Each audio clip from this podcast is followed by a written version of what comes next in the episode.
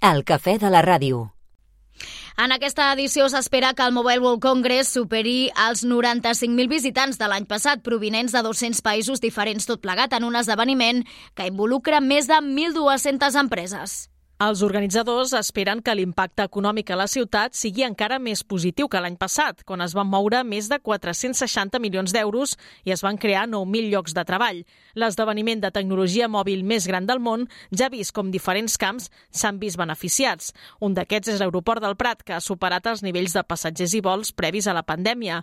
Les principals aerolínies que operen rutes intercontinentals s'han fet ressò i han reforçat el dispositiu.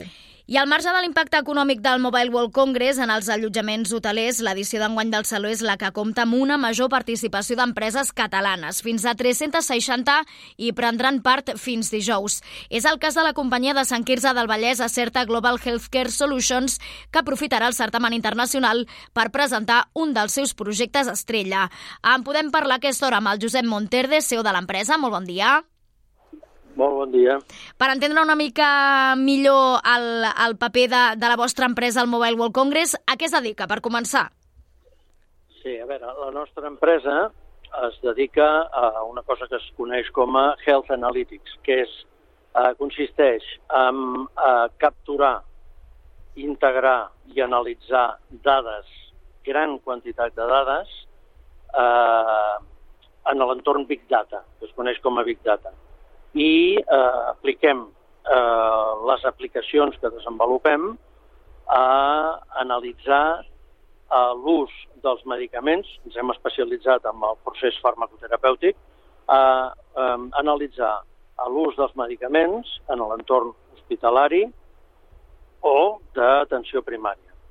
De manera que mm, amb les aplicacions que desenvolupem podem analitzar grans quantitats de dades, ingents quantitats de dades, eh, de tractaments, diagnòstics, resultats d'analítiques eh, i de qualsevol sistema o dispositiu que pugui aportar informació útil i d'aquesta manera podem ajudar els professionals sanitaris i a les organitzacions sanitaris, sanitàries a mm, tindre informació molt valuosa per poder identificar quins són els tractaments més efectius per malalt, malalties específiques i, el que, el que és més important, al mateix temps, eh, minimitzar les despeses sanitàries. Una cosa que és una preocupació eh, internacional, no? l'escalada de la despesa eh, en medicaments. I en I aquest marc... també participem... Perdona? Sí. Digues, digues. No, que paral·lelament també participem en projectes internacionals de recerca, de la, la recerca que es coneix com eh, recerca de món real, és a dir, analitzar també grans quantitats de dades eh, d'una forma associativa amb altres hospitals d'altres països, universitats, per comparar com s'està tractant eh, unes eh, malalties en un lloc i en un altre, per veure si som capaços d'identificar quines són les diferències en el tractament que puguin explicar que en un lloc eh, el resultat sigui millor i en un altre pitjor. Poso, per exemple, eh, nens amb leucèmia, eh, nens amb leucèmia. Els resultats de supervivència a Europa són més alts que a Llatinoamèrica i, i participem en un estudi en el qual s'està comparant com es tracta aquests nens a Europa i com es tracta a Llatinoamèrica, o com es diagnostica, eh? amb quina precocitat es diagnostica. De manera que, per veure si som capaços d'identificar quina és la causa de que la supervivència sigui pitjor a Llatinoamèrica que a Europa i, per tant, ajudar a Llatinoamèrica a que aquesta supervivència millori. Per tant, pel que entenc és posar al servei de les persones, directament de les persones, perquè al final això té una translació a, en el dia a dia i en l'impacte de la salut de les persones, aquest, uh, aquest big data, no? aquest gran conjunt de dades uh, que al final tenen una translació real. Exacte. Un, dels, un de les dificultats principals que es troben els professionals eh, en els seus àmbits eh, hospitalari, atenció primària, és moltes vegades tindre eh, informació actualitzada agregada, que dona molta més informació que a propòsit d'un cas. No? I el que fem nosaltres amb aquestes eines és muntar sistemes d'informació que amb ells poden estar permanentment actualitzats de quina és la situació i, per tant, prendre la millor decisió en base a aquests resultats. I, naturalment, en benefici del pacient per millorar els resultats en salut, que és el, la finalitat última. Què hi presenteu concretament a l'edició d'enguany del Mobile World Congress? Uh, aquest any, a veure, l'oportunitat que et dona el mobile de, de, de quantitat d'assistents, eh, el, el reclam que té tota aquesta exposició, eclosió de tecnologia i de mitjans de comunicació, vam pensar que era una bona ocasió per presentar eh, la nostra eina, la nostra aplicació eh, Fleming Antimicrobial Stewardship, us explico. Eh, per, per què vam pensar això? Perquè el, a, a nivell mundial, a nivell global, eh, l'increment de les resistències bacterianes és un problema, jo m'atreviria a dir, del calibre doncs, del canvi climàtic les resistències bacterianes per un ús excessiu o no adequat d'antibiòtics, no parlo en el nostre entorn, parlo a nivell global i parlo també en l'entorn de sanitat, però també en l'entorn de l'agricultura o també amb l'entorn de la veterinària. Arreu del món està fent que vagin augmentant les resistències eh, en els antibiòtics i el patró de resistència es pugui anar canviant amb el temps. Això fa que antibiòtics que, que fins a un moment doncs eren eh, superefectius vagin perdent aquesta efectivitat gradualment. En un lloc i en un altre pot, pot mantenir-se igual. Eh? Tot dependrà de com s'utilitzin els, els antibiòtics en l'entorn. Per poder adequar els, els eh, protocols de tractament, eh, de malalties infeccioses, és molt important que els metges, que els professionals de salut tinguin informació actualitzada a temps real de com està evolucionant, de saber si una insuficiència, eh, perdó, una infecció urinària que fins a un moment determinat eh, responia a un tractament d'un antibiòtic eh, la seva resistència està pujant fins al punt de que pugui arribar a comprometre això i que s'hagi de buscar una altra alternativa. Això és fonamental perquè no vagin a cegues o perquè no tinguin la informació al cap de molt de temps de d'anar-ho processant manualment. Nosaltres ho fem de forma automàtica, a temps real, que vol dir que es carrega i els nostres algoritmes calculen de forma instantània tots els indicadors.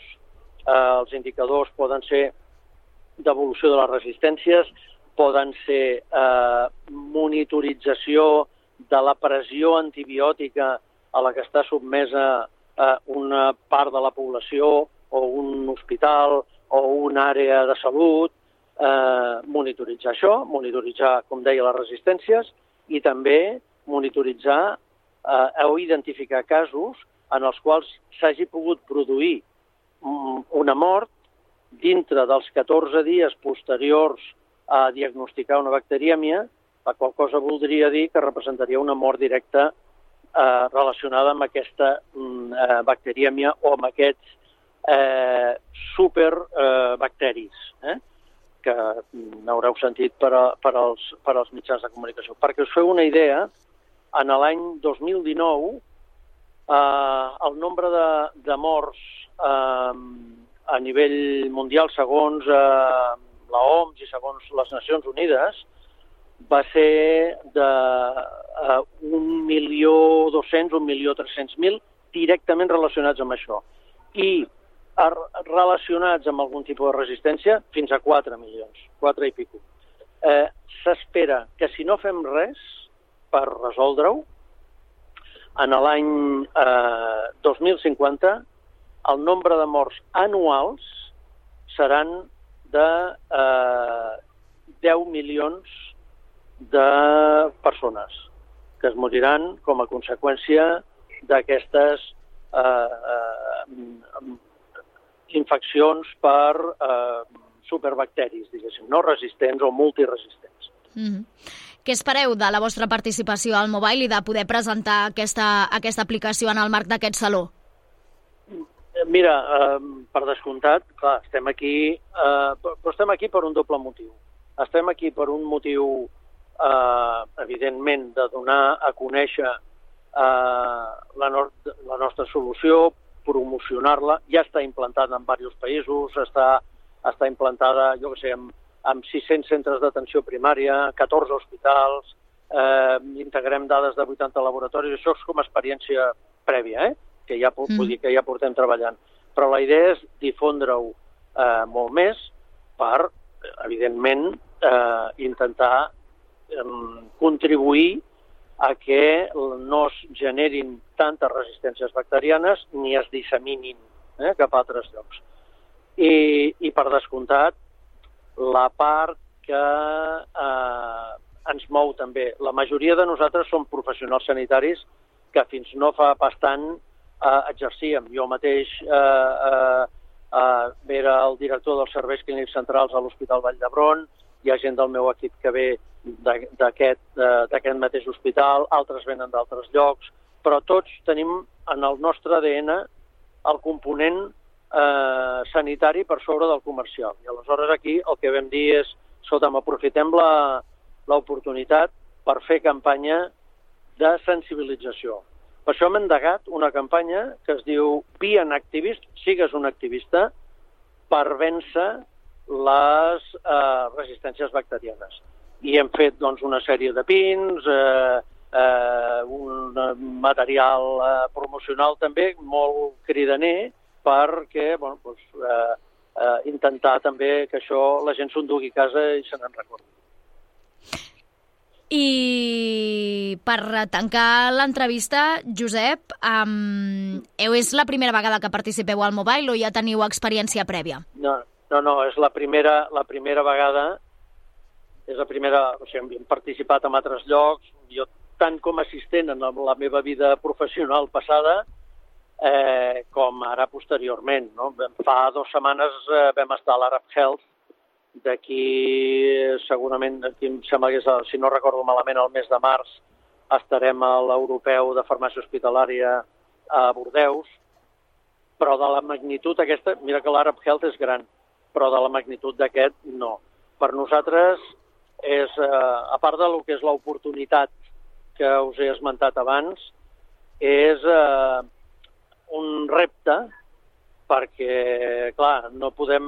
O sigui, eh, un repte des de la humilitat, no? Som una empresa petita del Vallès que està aquí rodejada de gegants, eh, com diuen, eh, blandiendo el cobre, no?, que diuen.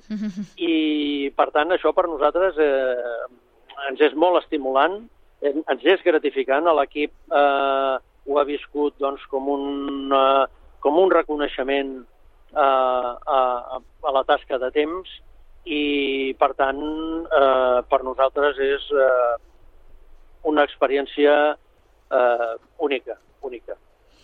Doncs esperem que, que així ho sigui, que la vostra aplicació també la pugueu donar a conèixer i que cada cop més hospitals, més centres d'atenció primària la puguin fer servir perquè al final això va en benefici de, en benefici de tothom. Josep Monterde, CEO de, de l'empresa Certa Global Healthcare Solutions, gràcies per atendre avui la trucada del cafè. Gràcies a vosaltres per donar-nos l'oportunitat d'explicar-ho. Bon dia. El cafè de la ràdio.